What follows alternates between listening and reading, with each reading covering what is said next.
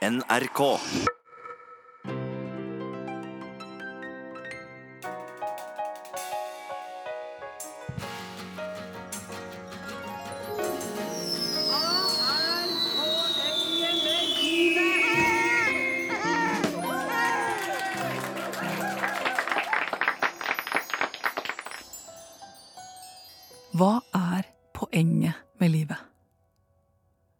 Har bestemt meg for å bruke fem uker på å finne ut litt mer om det. Og i forrige uke så møtte jeg Lynn, og hun snakket masse om sex. Hvorfor slapper ikke du av? Hvorfor lar du ikke kroppen din få lov til å, deg sjøl få lov til å utforske kroppen din? Så du mener hvorfor ikke kjenne etter? Yes! Er det sånn du tenker? Ja. Kjenn etter. Ja, det er jo en del av det, men eh, dette er ikke nok, kjenner jeg. Folk sier jo at det er kjærligheten som er poenget med livet. Og i dag tidlig så møtte jeg en jeg kjenner som heter Anne Johanne på kafé, og da fortalte jeg henne at jeg plutselig hadde begynt å skrive en tekst om lyst og lidenskap på mobilen mens jeg satt på T-banen. Jeg har jo skrevet litt tidligere, men ikke på mange, mange år. Men at nå plutselig følte jeg en trang til å uttrykke meg. Jeg fortalte henne at etter at jeg hadde skrevet den ene teksten på mobilen, så ble jeg så ivrig i går kveld at jeg skrev fem nye tekster i en liten kladdebok. Bare sånne korte tekster om alt mulig, som jeg kom på i farta. Jeg, jeg lurte rett og slett på, kunne du tenke deg å, å lese dem? Ja, selvfølgelig. Altså, Jeg syns det er dritekkelt å vise det til noen, rett og slett. Men, altså, men du må, du må altså, si akkurat hva du mener. Hvis det ikke funker, hvis du ikke skjønner noen ting av det, så må du si det, men, men bare liksom pynte på det litt, kanskje, sånn at jeg klarer å leve med det. Ja. At jeg, at jeg, jeg Intensjonen er jo god i mine svar. Jeg sa at hun kunne lese dem i stillhet når vi har gått fra hverandre. Jeg syns det er ganske skummelt, jeg. Ja. Selv om hun er bare et vanlig menneske. Men at noen leser det i det hele tatt. Så hun sa hun skulle sende meg en melding da når hun hadde fått sett på det. Men nå er jeg på vei til Kristine på Bybanen i Bergen. Hun har en så krevende erfaring i livet. Hun bor i et gammelt hus sammen med venninnen sin.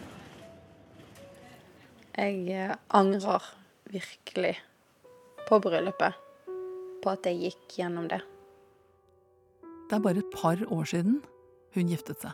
Og tanken var at dette skulle være det største som hadde skjedd i livet hennes. Den store dagen. Når jeg kjøpte brudekjole, så, så koste jeg meg. Eh, Og det å ha på seg en sånn fin prinsessekjole for første gang, det var jo veldig var veldig kjekt. Ja.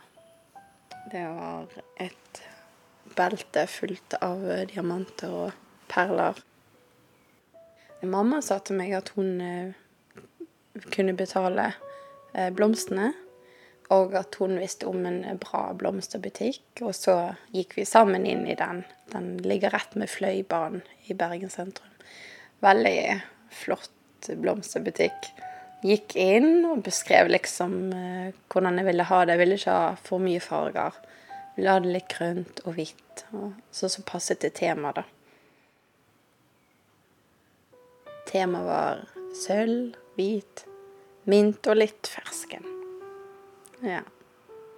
Det var ganske fint. Litt sånn vårlig siden bryllupet var i juni. Kvelden før bryllupet så begynte det å komme en liten ekkel følelse snikende. Satt i sofaen, snakket litt. Eh, kjente veldig mye på nerver. Var det noe du snakka med venninna di om i sofaen da? Nei, det gjorde jeg ikke. Så du satt i sofaen, hadde det vondt inni deg og latet som ingenting? Ja. Og så kom selve dagen. Morgenen eh, på bryllupsdagen så våknet jeg ikke sjøl. Jeg ble vekket av bestevenninnen min, for jeg hadde forsovet meg. For natten før så klarte jeg ikke å sovne. Eh, For jeg bare lå og tenkte på hvordan dagen kom til å bli. Om jeg klarte å holde fasaden oppe. eh, Om jeg klarte å distansere meg nok til at jeg klarte å gå inn i denne rollen. For at ingen andre skulle se hvordan jeg egentlig hadde det.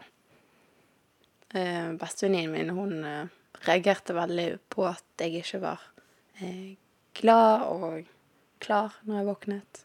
Men at jeg var Måtte nesten dra meg litt ut av sengen, da. Nå har vi dårlig tid, sa hun. For vi skulle jo til eh, frisør og få sminke og ordne håret og Ja. Men du sa ingenting til venninna di? Nei, det gjorde jeg ikke. Alt ble så virkelig hvis jeg skulle si det til noen. Må holde det inni meg, for det, det er mest sannsynlig noe som kommer til å gå over, tenkte jeg da. At det bare er mine følelser, og kanskje følelser forandrer seg stadig. Kanskje jeg endrer mening. Så skulle hun begynne å pynte seg. Vi dro faktisk hjem til min søster, og så kom frisøren og sminkøren hjem til hun da. Og der satt vi og slappet av og koste oss, og det var en veldig fin stund. Husker det er jo kjekt å bli dollet opp og sminket og pyntet, sånn som man aldri har blitt gjort før. hun satte opp hele håret i en fin frisyre opp bak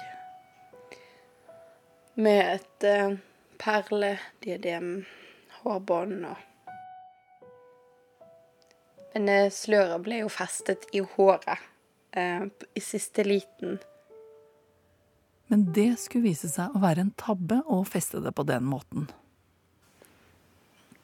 Jeg følte meg veldig fin. Det gjorde jeg. Veldig fin. Litt prinsesseaktig. Fotografen eh, kom hjem til min søster for å ta bilde av oss før bryllupet. Og eh, det var Jeg ville ha sånn veldig avslappende bilder. Det skulle være bilder som uh, ble tatt i øyeblikket. Uh, Ikke noe sånn oppsatt uh, Påsatt smil eller noe sånt. Det skulle være ekte. Og det ser jo i etterkant at bildene gjenspeiler mye av følelsene jeg hadde. Du kan nesten se det i øynene mine, at de var tom. Blikket var tomt. Og bildene ble liggende i en skuff. Jeg er den eneste som har sett de. Har du ikke vist det til noen? Nei. Hvorfor vil du ikke vise det fram? Eh, bildene gjenspeiler den største skammen min. Bildene ble eh, altfor ekte. Det ble bevis på hva jeg hadde gjort.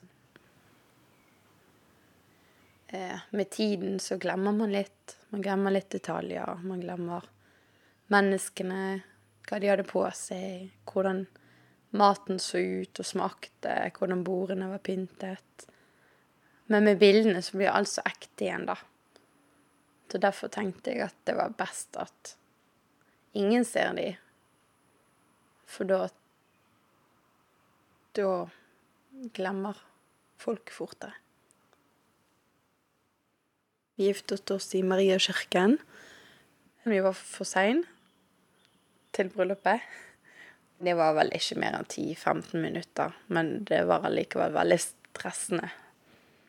Så kom vi ned til kirken, og så begynte det å regne, for bilen var jo åpen, så jeg fikk masse vann på meg.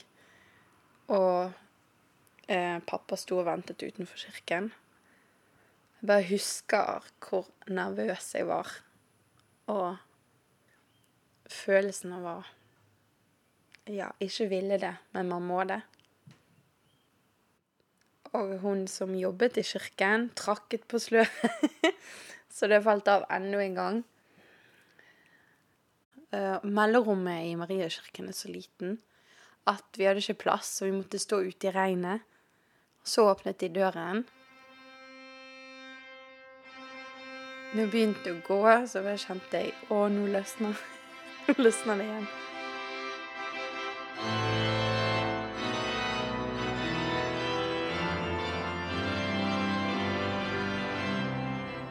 Så falt det sløret av midt i kirkegangen. Eller midt i midtgangen. Jeg husker jeg smilte. eh, Men det var et falskt smil. Det var ikke ekte. Fornuften seiret over følelsen. For jeg tenkte at det kan jo ordne seg. Presten sier jo 'til døden skiller dere ad'. Så sier man ja. Sant? Men jeg vet ikke hvordan ja-et mitt var. Det var vel mellom, kanskje. Jeg er jo en veldig utadvendt person, så litt tøyt, kanskje. Ja. Jeg ville vel at folk skulle høre. Anger er jo så altoppslukende. Man går og kverner på det i hodet om igjen og om igjen. Hvorfor lyttet jeg ikke til kroppen og til hjertet? Og jeg er jo en håpløs romantiker. Jeg har jo lest så mange eh, noveller. Jeg visste jo og håpte at det skulle være en større kjærlighet for meg.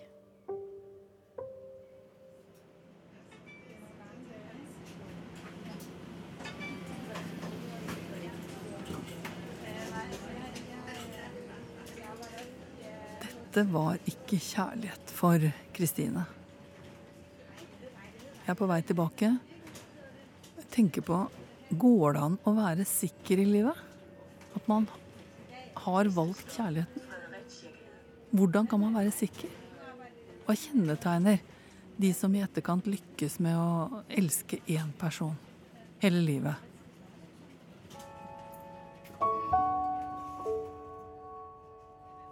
Dørene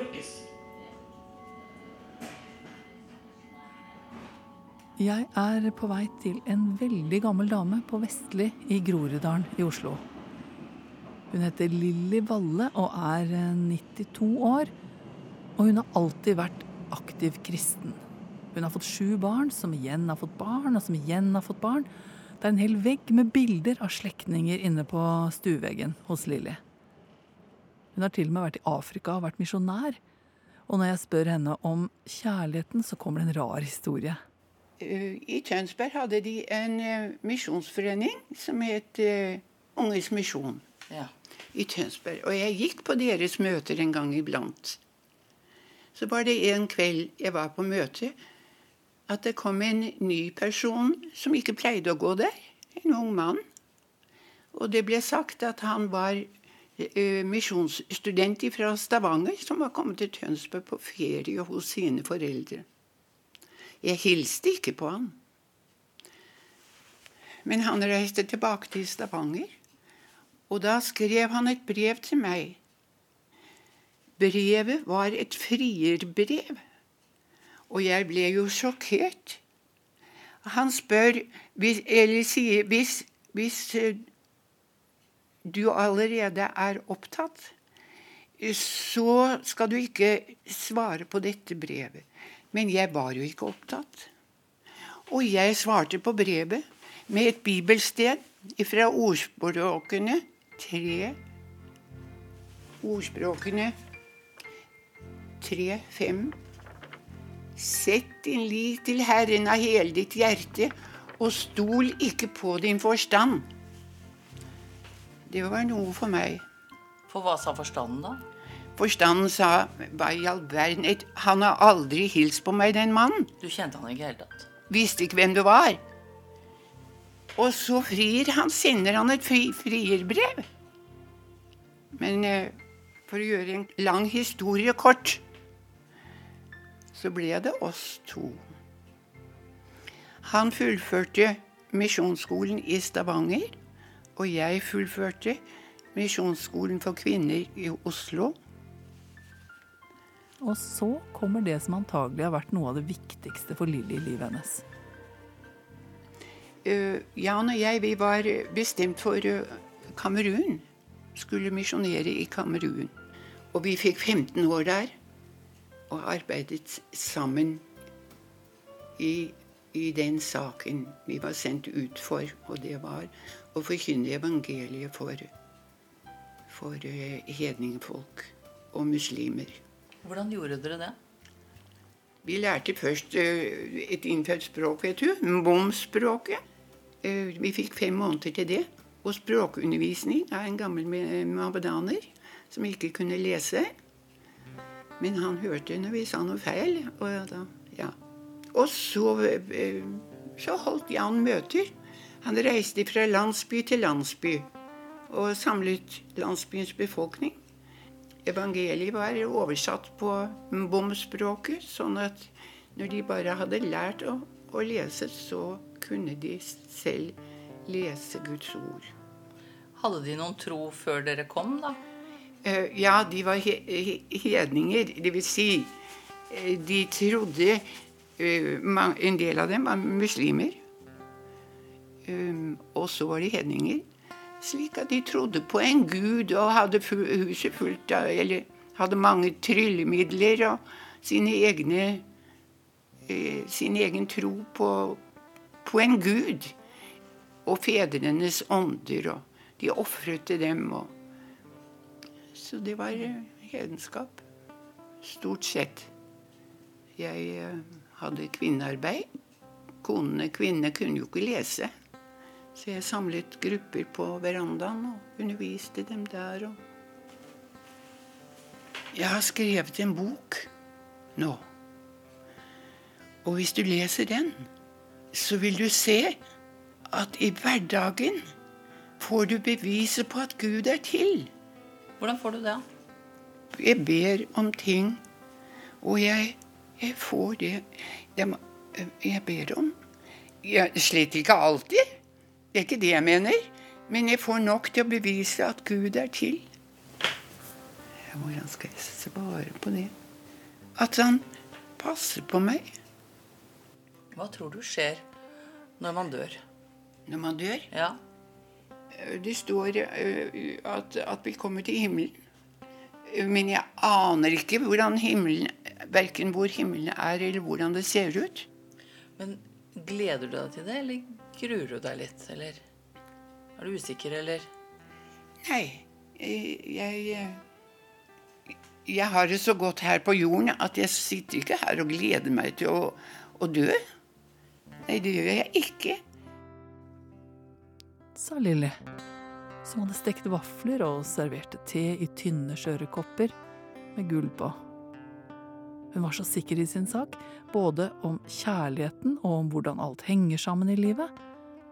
Hun siterte bibelvers og har hele livet innrettet seg på at det er sant, det som står i de tekstene.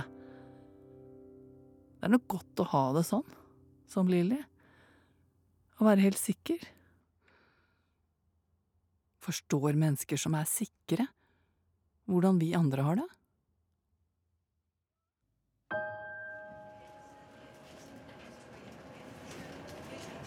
Noen dager etter så er jeg på vei til en stor kirke i en av de finere bydelene i København.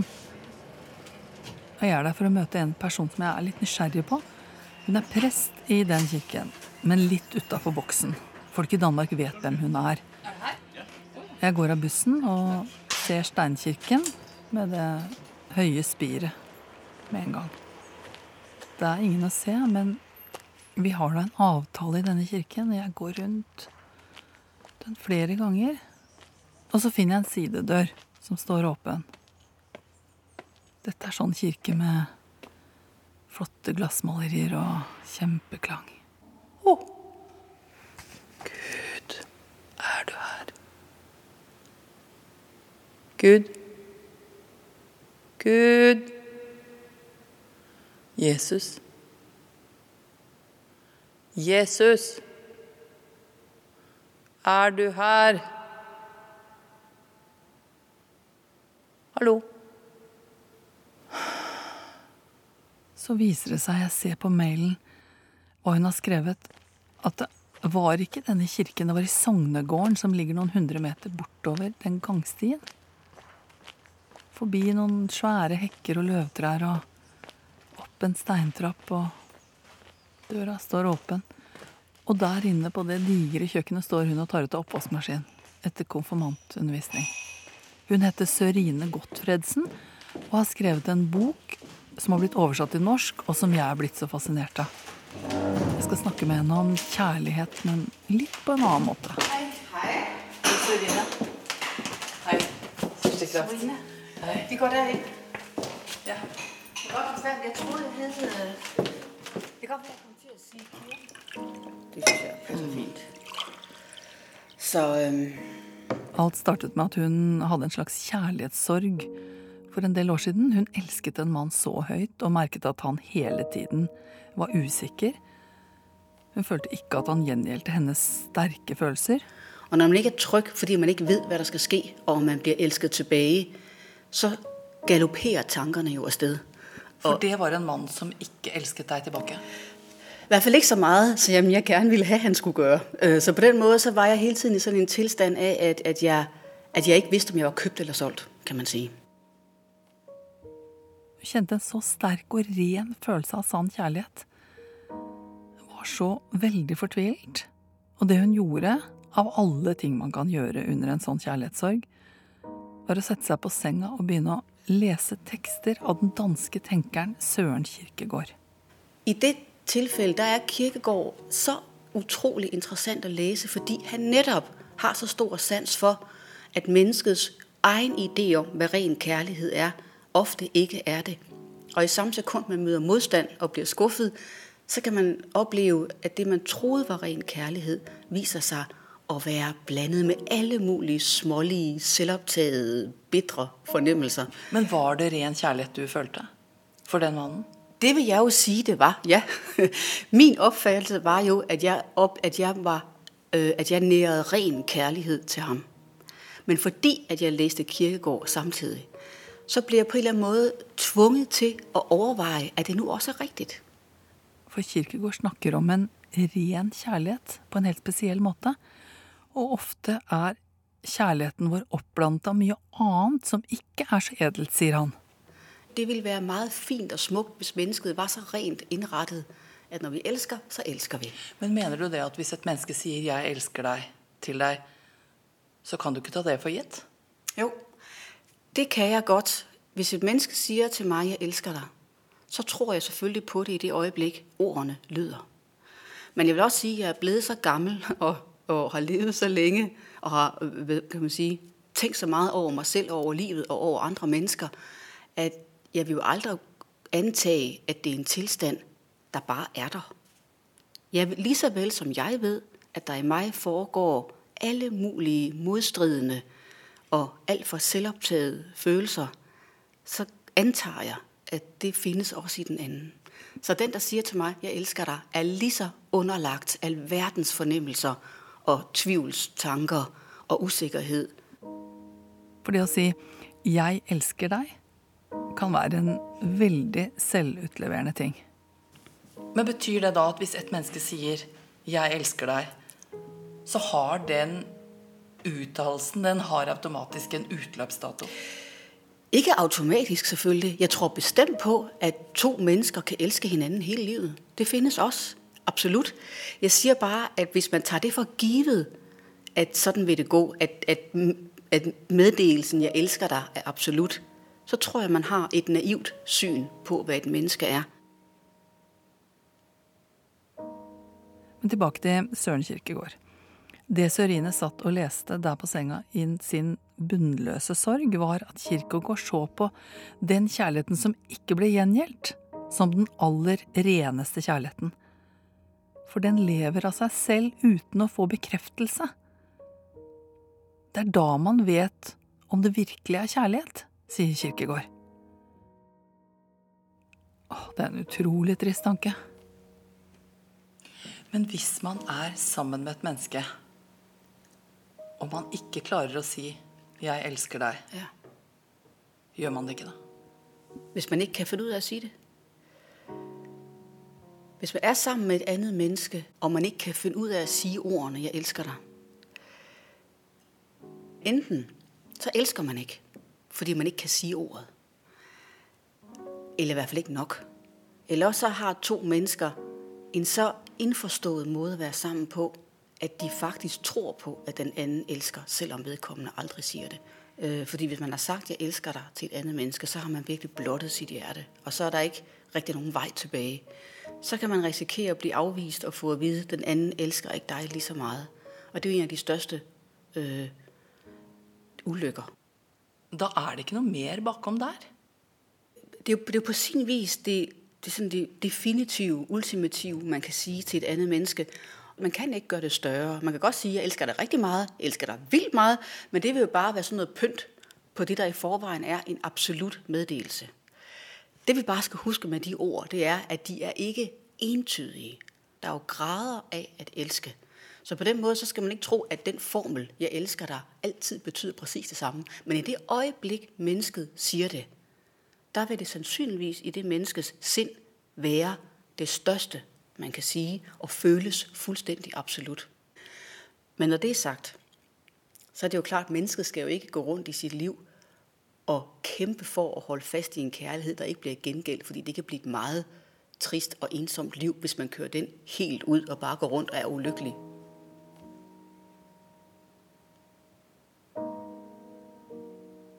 Man skal prøve i sit liv, det er at sige de ord. Herlighet. Den sanne kjærlighet er den som ikke gjengjeldes. Og det tror jeg heller ikke Kirkegaard vil sige, selvom han jo selv var det. Han kørte den jo helt ud og ophævede sin forlovelse med Regine Olsen og levede alene og dyrkede den her tabte kærlighed resten af livet. Fordi Kirkegaard, han var meget speciel. Det skal andre mennesker ikke efterleve, fordi så bliver man bare ensom og ked af det. Men man skal bruge Kirkegaards tænkning til at, til at forstå, at det er vigtigt at undersøge og prøve at gennemskue, hvad ens kærlighed egentlig grunder i, og hvor meget den handler om meg, og hvor meget den handler om den, man påstår, at man elsker.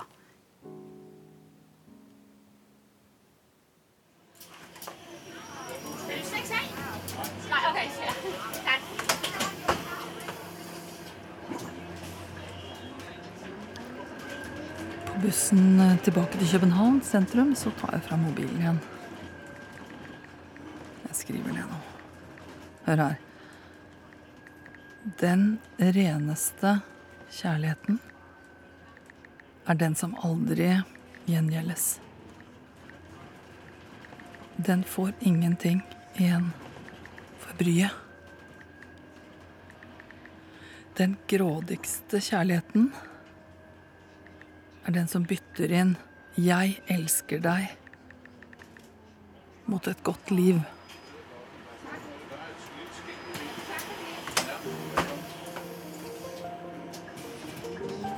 Hvorfor skal kjærlighet ta så mye plass i livet? Man kan jo plutselig stå der på bryllupsdagen og angre på hele greia. Kan man bygge livet sitt på at et annet menneske skal komme til å elske deg?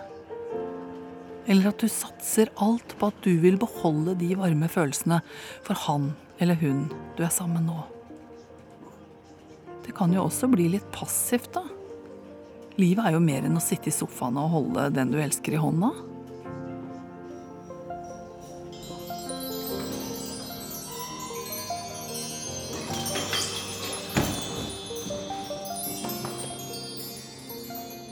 I neste episode møter vi Sigrid Bonde Tusvik. Det er et veldig godt bilde hvis man er på en, standup-kveld, så er man ofte fem komikere. Og alle komikerne vil at kvelden skal være bra, men alle vil at du selv skal være best. Selv om det har vært en fantastisk kveld, så vil du helst vinne. Og det er jo det, du har ofte syv eller ti minutter da, på å vinne publikummet. Og alle har det. Og alle vil være best. Og alle heier på hverandre, men mest på seg selv. Er poenget med livet å bli til noe? Utrette noe? Sette noen spor etter seg?